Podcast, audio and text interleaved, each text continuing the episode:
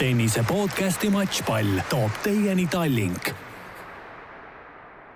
tere, tennisesõbrad!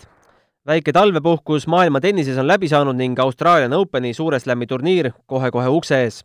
sestap keskendub tänane kahekümnes Matšpalli podcast peaasjalikult just äsja toimunud üksikmängu tabelite loosimisele ja spetsiifilisemalt esimesele ja kolmandale tabeliveerandile, kuhu loositi Kaia Kanepi ja Anett Kontaveit Kalepi peab oma vastast ootama veel kvalifikatsioonist, Anett Kontaveit läheb esimest korda elus vastamisi maailma saja kümnenda reketi austraallanna Astra Sharmaga.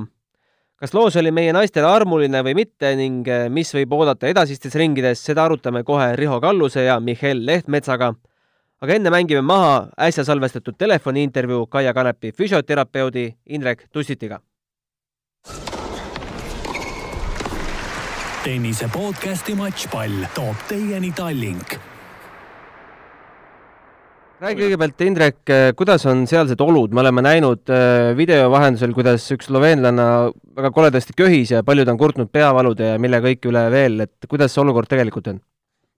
ma ei tea, ma vaatasin neid, ega siin midagi ilusat ei ole kaks-kolm päeva olnud. et äh, paar päeva ikkagi oli selline aeg, kus taevast eriti näha ei olnud.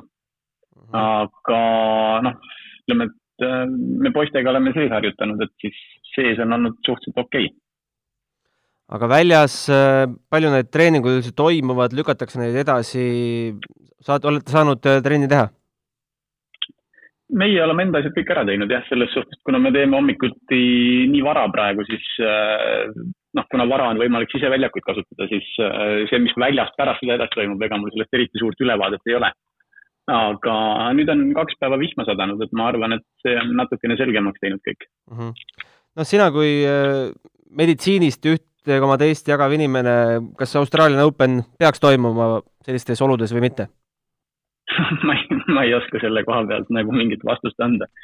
et ähm, mina arvan, et peaks toimuma jah, ma arvan, et eks neid igasuguseid arvamusi on ühte ja teistpidi, et ma arvan, et seda on päris raske öelda, et, äh, et ilmselt kahe-kolme päevaga võib siin kõik nii kiiresti muutuda, et selles suhtes võtta mingisugune otsus vastu nädal aega enne turniiri algust on üsna, üsna võimatu.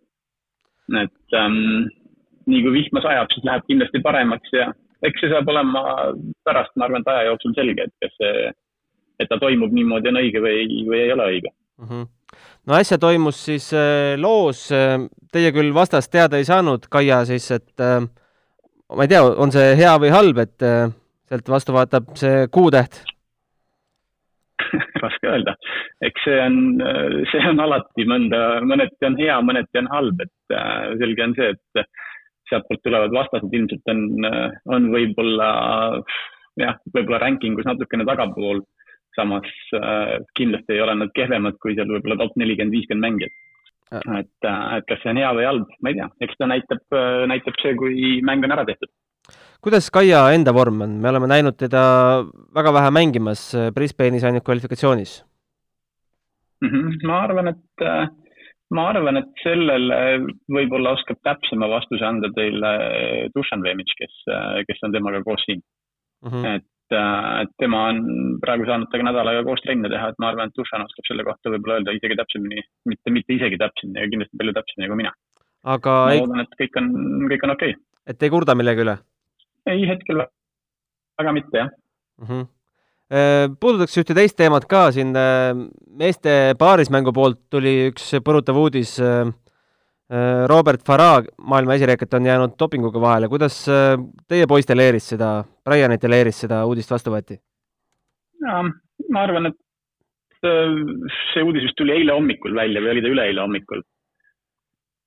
et noh, keegi ju seda ei osanud oodata ja eks räägid omavahel, spekuleerid, kas see jutt lihasöömisest on õige, kas see võib olla vale äh,.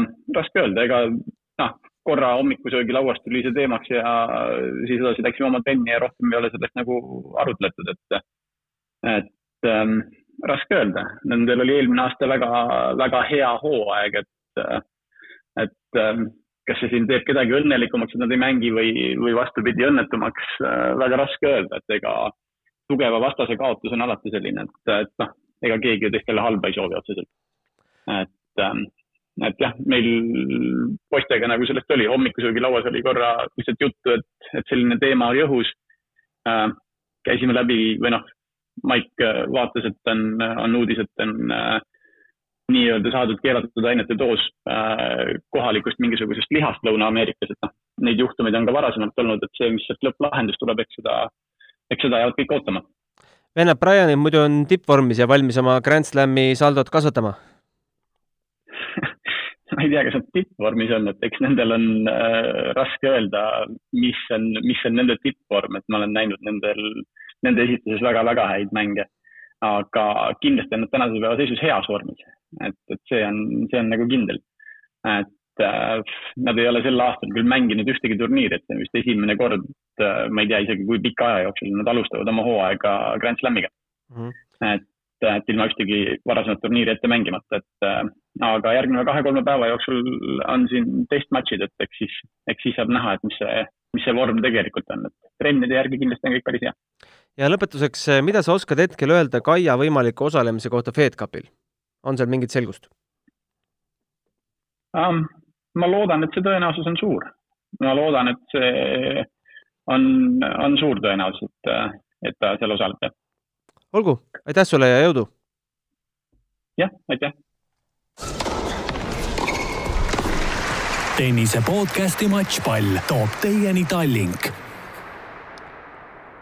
no nii, oleme tagasi stuudios, Riho Kallus ja Mihhail Lehtmets on äh, minu tänasteks saatekülalisteks. Riho siis meie kaassaatejuht. Äh, noh, tabelid on väljas, äh, me siin omakeskis jõudsime rääkida, et ega me sellest Eesti vastastest väga palju midagi rääkida ei oska, Anett Kontaveit sai vastaseks maailma saja kümnenda rekoti Astra Sharma, wildcardiga peale pääsenud Austraalia tennisist ja Kanepi peab oma vastast veel kvalifikatsioonist ootama. kas äh, loosiõnn naeratas meile seekord? Mihhail? tere ka minu poolt, no patt oleks nagu nuriseda, kui vastu tuleb maailma saja kümnes reket ja, ja Kaia Kanepile, kes teatavasti asetatud ei ole, oleks võinud vastu tulla Serena Williams kohe esimene ring või, või Anett Kontaveit ise. et äh, loomulikult patt on äh, nuriseda, aga, aga mängima peab ja, ja kuhugi ei ole see sisse kirjutatud, et äh, et nad nüüd see kolm ringi, mis, mis nii-öelda loosiga vedas, et, et kergelt läbi lähevad, et kõik, kõik mängijad on seal näljased ja, ja kõik mängijad loomulikult äh, tahavad võimalikult kaugele jõuda, aga, aga minu arvates küll, et, et äh, üks aegade võib-olla üks parimaid loose, kui pidada silmas nagu mõlemat Eesti mängijat. oled nõus, Riho? jah, eriti võib-olla pidades silmad, silmas Kaiat, kellel on selle loosi õnnega on alati suhteliselt keeruline Grand Slamidel on, nii et jah, tabel on päris hea äh, mõlemat tüdrukut vaadates mina isiklikult iga loosi eel loodan, et nad äh, satuvad üksteisele lähestikku ja miks, miks mitte ka esimeses ringis vastamisi, aga nendele, kes veel niimoodi loodavad, see loosiõnn vist nagu irvitas näkku seekord, et äh, lähevad alles finaalis vastamisi, kui üldse. no see ongi kõige magusam, kui finaalis vastamisi lähevad, aga aga nagu nali naljaks jah, et äh, seekord niipidi ja, ja eks neid, mida aeg edasi, seda äh, seda väiksemaks see võimalus üldse jääb, et Kanepi ja Kontaveit omavahel tenniseväljakul kohtuvad, et äh, Kanepi edetabeli koht on teatavasti praegu selline, et äh, väga nende WTA turniiridele põhitabelisse peale ei saa, et enamuse peab hakkama ikkagi kõik kvalifikatsioonist mängima ja, ja, ja sealt ikkagi arvestades seda, et ta on ikkagi suhteliselt eakas mängija tennise mõistes, siis, siis on see väga keeruline sinna, mida aeg edasi, seda rohkem sinna põhitabelitesse saada aga vaatame natukene tabelit edasi ka. kui äh, Anett peaks jagu saama sellest Sharmast, mis peaks olema loogiline ja talle võimetekohane, siis äh, teises ringis Veronika Kudermetova või Sara Soribes-Tormo, kuidas sellesse suhtuda? No ma julgeks väita, et, et, et mõlemad kaks ringi on Aneti jaoks suhteliselt äh, kohustuslikud võidud mõnes mõttes, et, et äh, alates kolmandast ringist äh, on, on, on tegemist ikkagi tõsisema vastasega, kui Anett suudab sellist tennist mängida, nagu ta nädal aega tagasi mängis, siis ma ei näe väga, et ta peaks komistama seal esimeses kahes ringis, et need on suhteliselt sama klassi mängud, ma pakun.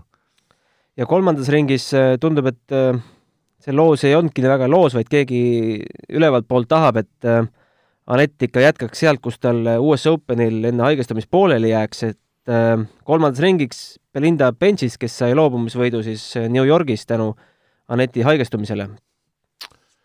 jah, et äh, see, see vastane on küll väga valus, vähemalt minu silmis on ta no kui mitte päris top viis, kes, kes võiks selle turniiri võita, siis, siis võib-olla on Belinda Bencic küll selline mängija, keda mina ootaks, et, et see aasta ereda tähena päris tippu sinna jõuab ja miks mitte ka mõnel Grand Slamil äh, finaali või, või seda võita, no loodame, et, et see ei juhtu Austraalias ja et ta selle ei lülita välja Anett Kontaveiti, et äh, see on valus jah, aga Belinda Bencic täna teatavasti päris selgelt oma vastasele kaotas, aga, aga ega neid, äh, neid eelturniire, mis on üks nädal enne Austraalia lahtis, ega neid väga tõsiselt võtma ei pea. Noh, teeme vast Anetile ka kingituse ja ärme aja fännidel pead sassi, et ärme sellest kolmandast ringist esialgu vast kaugemale vaata. räägime Aneti eh, hetke vormist, me oleme teda näinud eh, kolmes mängus vist Delfi tv vahendusel mängimas, eh, sina, Mihhail, oled neid ise kommenteerinud, Brisbane'is alistas Su Wei Zhehi Äh, kindlalt kuus-neli, kuus-üks, teises ringis pakkus väga kõva vastupanu Kiki Bertensile, maailma üheksandale reketile ja sel nädalal siis äh, Adelaide'is kahjuks kaot-, väga kindel kaotus Pavlutšenkovale. no alustame sellest viimasest mängust vast, et äh, mis mulje sulle see jättis? ütleks nii, et äh, nagu ma olen ennemgi öelnud, et kindlasti ei olnud see Aneti parim mäng, aga kindlasti ei olnud see ka halvim mäng, et, et Pavlutšenkoval oli väga hea päev ja, ja, ja Pavlutšenkova on ju selline mängija, kes, kes kõiki palle sisuliselt äh, ikkagi ikkagi sealt tõusult lööb ja väga agressiivne on ja seekord tuli tal ülimalt hästi kõik välja, eelkõige esimeses setis, teises setis hakkas juba mängu olema, aga Aneti siis see kerge reievigastus, no raske öelda, kas see seal midagi mõjutas, igal juhul minu arust oli mäng äh, täitsa korralik, et midagi väga nuriseda küll ei saa ja, ja tundub küll, et kui Anetil see jalg nüüd liiga ei tee, et, et vorm on igati hea. ja Pavlutšenko mängis väga hea esimese setiga järgmises ringis Ashley Barti vastu, maailma esireketi vastu, võitis avaseti kuus-neli ja siis kaks järgmist seti kaotas. näitab ka nii mõndagi. jah, see näitab ka kindlasti nii mõndagi, kuigi Barti võib-olla siin aasta algus kõige paremas hoos ei ole, aga, aga kindlasti ta seda matši seal kaotada ei tahtnud, et kodupubliku ees mängi, mängida ja ja ka see näitab tõepoolest, et Pavlutšenkova on hea, et pigem oli Pavlutšenkova hea kui, kui Anett Halb see mäng. oled sa nõus, et Brisbane'is tegelikult Kontaveit oma mängudega ajas Eesti fännide lootused päris kõrgele? jaa, kindlasti, et äh, see vastu, kes on alati selline väga ebamugav äh, vastane kõigi jaoks, julgen öelda, võib-olla, võib-olla päris, päris tipud seal äh, Serena jaoks mitte, aga Osakagi on temaga püsti hädas olnud, et et see võit, et äh, tegelikult see oli hea algus aastal, et, et selline keeruline vastane ja sealt võit tuli ja ja usun küll, et äh, selles suhtes, et äh, aastat edasi oodata, et et kui Aneti tervis korras püsib, siis, siis miks mitte aasta võib-olla oma karjääri edukam aasta teha.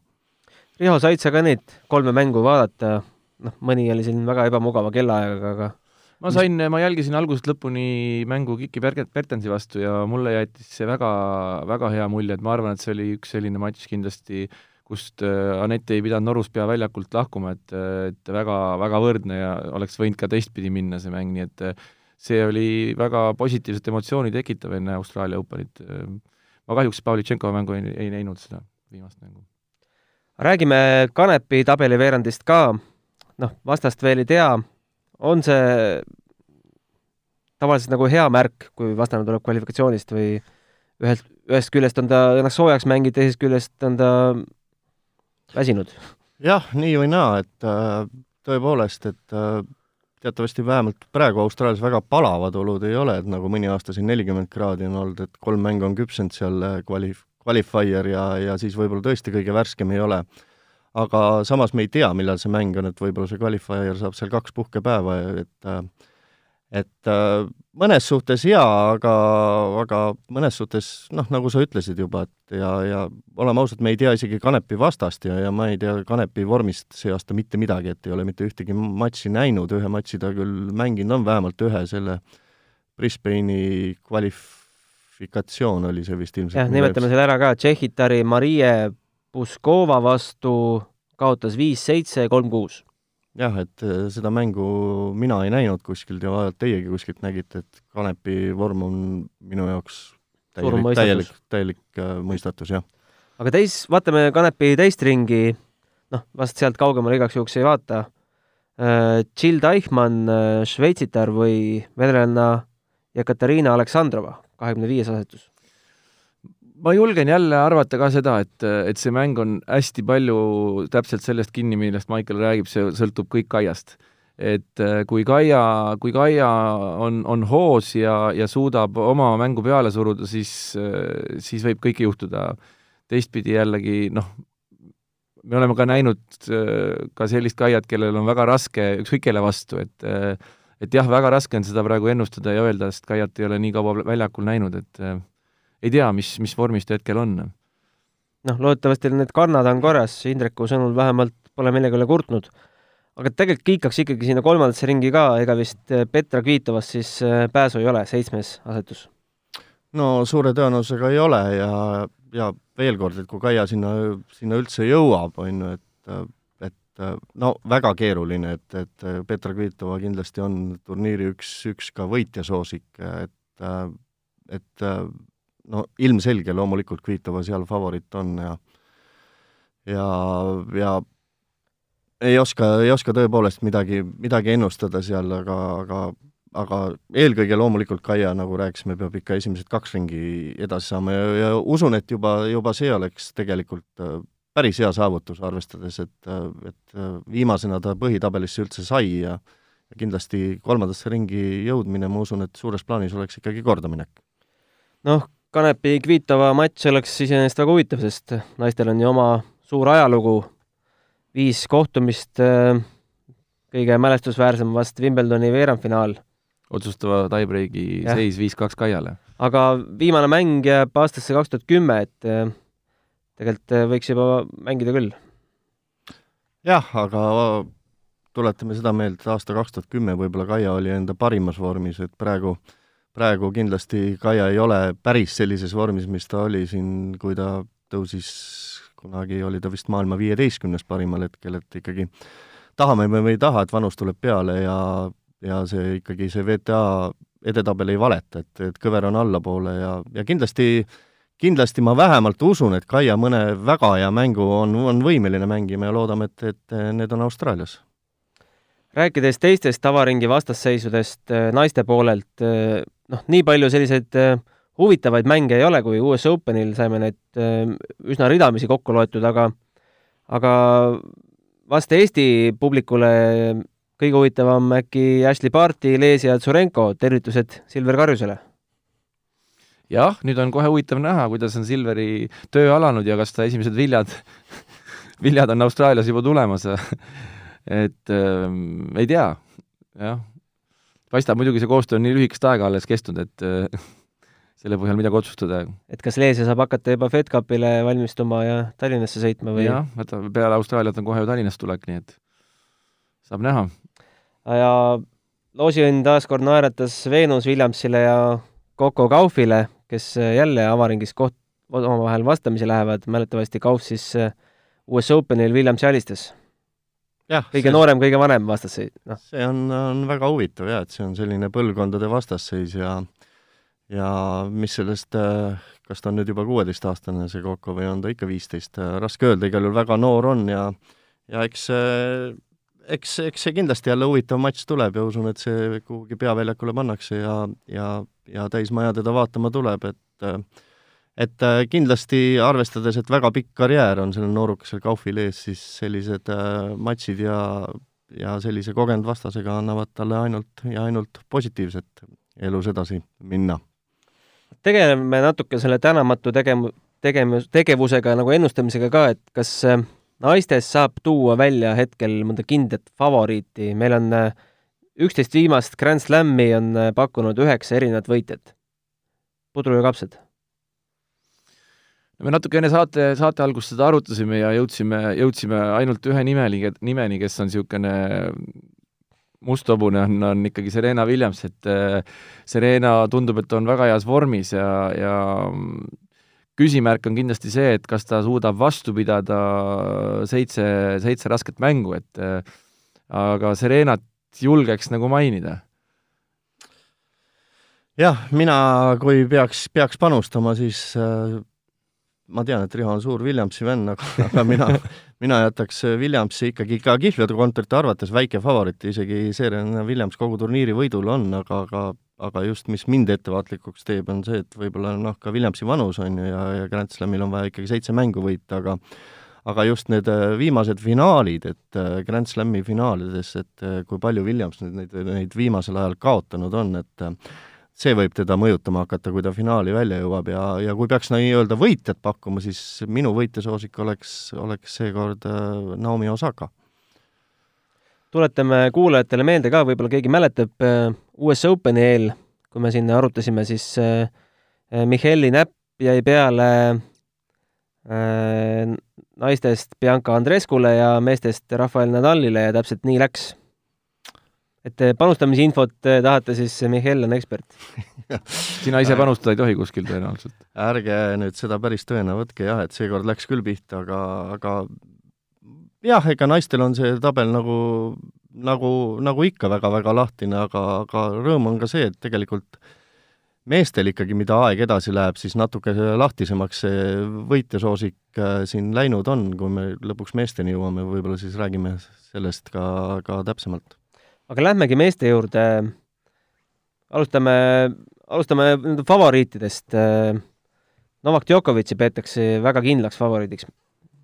ja ta ongi tõenäoliselt favoriit ka jah, ta tõenäoliselt favoriit on, aga tänane nii-öelda kui tabel tuli välja, siis Djokovicil nagu selles suhtes väga ei vedanud, et ma vaatasin siin, et kihlveokontorid enam nii selgeks favoriidiks teda ei pea kui enne loosimist, et ikkagi tema võimalik veerandfinaali vastane on ju teda, teda kas just korduvalt alistanud, aga ikkagi alistanud Tsitsipas, kes eelmine aasta teatavasti Federeri lükkas välja siit äh, turniirilt ja, ja võimalik poolfinaali vastane on siis, siis äh, suur Roger ise, et et äh, sinna on ikka, ikka tükk maad minna ja, ja Djokovic'i jaoks see tabel, tabel väga, väga lihtne ei ole, et selles suhtes teine peasoosik Nadal võib võib loosi üle pisut ikkagi rõõmsam olla, et tema võimalik veerandfinaali vastane, kui arvestada kõrgemaid ranking uid, on Dominic Thiem, et äh, ka muidugi loomulikult valu, valus äh, käsi, aga eelkõige muidugi tiimi võib-olla kõige tugevamad mängud on ikkagi seni liiva peal olnud, tõsi, eelmine aasta mängis ka ikkagi väga korralikult äh, haardi peal juba ja, ja, ja siis äh, poolfinaali vastane Nadalil siis kas Medvedev või Zverev, noh, ka loomulikult ikkagi, ikkagi väga, väga, väga tippu tahtvad näljased noored, et äh, Djokovic on favoriit, aga, aga mitte, mitte nüüd nii kindel, et see kuhugi kivisse raiutud on, nagu kümme aastat tagasi Nadal hakkas French Openit mängima, siis sisuliselt enne, enne turniiri said juba ühe koma kahekordselt raha tagasi, kui Nadali peale panid, et nii kindel oli see, et Djokovic favoriit on ja Austraalias alati hästi mänginud, kuuekordne võitja vist seni siin, kui mitte seitsme korda kuus vist, jah. aga, aga kindlasti tuleb huvitav, huvitav turniir ja eelkõige loodame muidugi, et see turniir ikkagi toimub, et, et sinna peame ka jõudma kõigepealt no kui kihlveokontoritele tugineda, siis Djokovic number üks, Nadal number kaks ja kolmas ei ole mitte Federer, vaid on Danil Medvedev. mida sellest mehest oodata, alati ettearvamatu? jah, kindlasti selline, tema puhul võib-olla ma ise kujutan ette, et kui ta, kui ta jõuab turniiri lõppfaasi, siis on see, siis on see olukord ettearvamatu. kas ta sinna üldse jõuab, küsimus on pigem selles, minu, ma arvan, et et see on pikk tee ja viiest parem mängud seal, et ma kaldun arvama, et need vanema generatsiooni mängijad suudavad need esimesed ringid kindlamalt võita kui, kui, kui noored võib-olla. aga, aga jaa, absoluutselt, ta on, ta on ikkagi eelmisel aastal näidanud väga fantastilisi mänge ja, ja on võimeline kõiki, kõiki võitma, nii et äh, ei oska öelda, raske öelda. ja noortes kindlasti tasuks jälgida ka, mida Tsitsipas teeb, eks? jaa, kindlasti Tsitsipas ja noh, Berettini võib-olla mitte nii enam, on, on ka noor ja, ja tõusev, aga aga päris finaali kohta ei julgeks Berettinile pakkuda, aga tõepoolest, et et äh, ikkagi peale Nadali ja, ja Djokovic'i ikkagi Medvedev, Tsitsipas on need, kes, kes, kes kõige tõenäolisemalt võivad selle karika pea kohale tõsta, aga aga julgen arvata küll, et, et pigem ikkagi need noored äh, tõstavad äh, see aasta, võtavad pea kohale, tõstavad selle taldriku, mitte, mitte karika. rääkides seal valitsevatest oludest, äh, Mihhail eile Facebookis siin eravestluses arvas küll, et seda turniiri ei toimu ja seda podcast'i polegi vast mõtet pidada, aga tänase seisuga ikkagi, ikkagi toimub. mis te arvate? mehed, naised köhivad, rinnus valud, peavalud Melbourne'i elanikel palutakse koju jääda, ehitusplatsid seisavad, tuleks seal üldse mingit tennist mängida või mitte? no väga keeruline öelda, et äh, korraldajad on kindlasti väga-väga suure pinge all seal, et, et äh, mängus on ju tohutud rahad tegelikult, aga aga mängus on ka ikkagi, ikkagi, ikkagi mängijate tervis ja, ja nagu Teo-, Djokovic või oli see keegi muu mängija, täpselt ma ei tea, ütles, et kui paar piiska tuleb väljakule, siis siis katkestatakse mäng, et, et jumala eest keegi seal oma jalga välja ei väänaks, aga kui kui on, on ilm selline, et, et palutakse inimestel siseruumides olla ja pannakse, pannakse kakssada viiskümmend kuus mängijat äh, mängima Austraalias, et võimalik, et kolmekümnekraadise palavusega veel, et äh, see on kindlasti väga suur risk ja kui seal kellelgi peaks midagi tõepoolest väga ränka juhtuma, et, et siis küll korraldajate nahas olla ei tahaks Riho, mis sa arvad? noh, nagu me ka Indreku, Indreku intervjuust kuulsime, et, et, et seda on väga raske ennustada, kuna see olukord nii kiiresti võib muutuda, viimastel päevadel on Melbourne saanud natuke ka vihma, vihmasabinat ja ilmateade näitab ka esmaspäeval, teisipäeval vihma Melbourne'is, et et see võib-olla seda olukorda leevendab, aga aga jah, ma olen nõus, et kui see päriselt midagi tõsiselt kellegiga esimestes ringides juhtub, arvestades, kui sa ikkagi äh, kui satub veel palav ilm ja väga pikk matš olema, siis äh, see on korraldajale väga-väga suur peavalu, sest äh, ei päästa ka siin see, et äh, peaväljak on katuse all, kus sa saad ainult üksikuid mänge pidada teine nädal, et sa pead selle esimese nädala, nädala saama ikkagi mängitud ja see on päris, päris keeruline olukord. Noh, teistpidi jälle eile ju eile ju korjati päris suur summa juba rahaga tulekahju kustutamiseks, nii et tennisistid kustutavad ka tuld teistpidi, et et äh, aga noh, noh, loomulikult see ei ole nii nüüd otsene mõju kohe, kohe turniirile, et äh, aga jah, ei, see on kindlasti, ma olen täitsa nõus, et, et jah, nagu me näeme tennises äh, iga väikse asja pärast äh, reageeritakse ja, ja, ja kas või nagu see piisa kuivatamise näide, aga aga jah, et see võib mängijatele väga valusalt, valusalt mõjuda.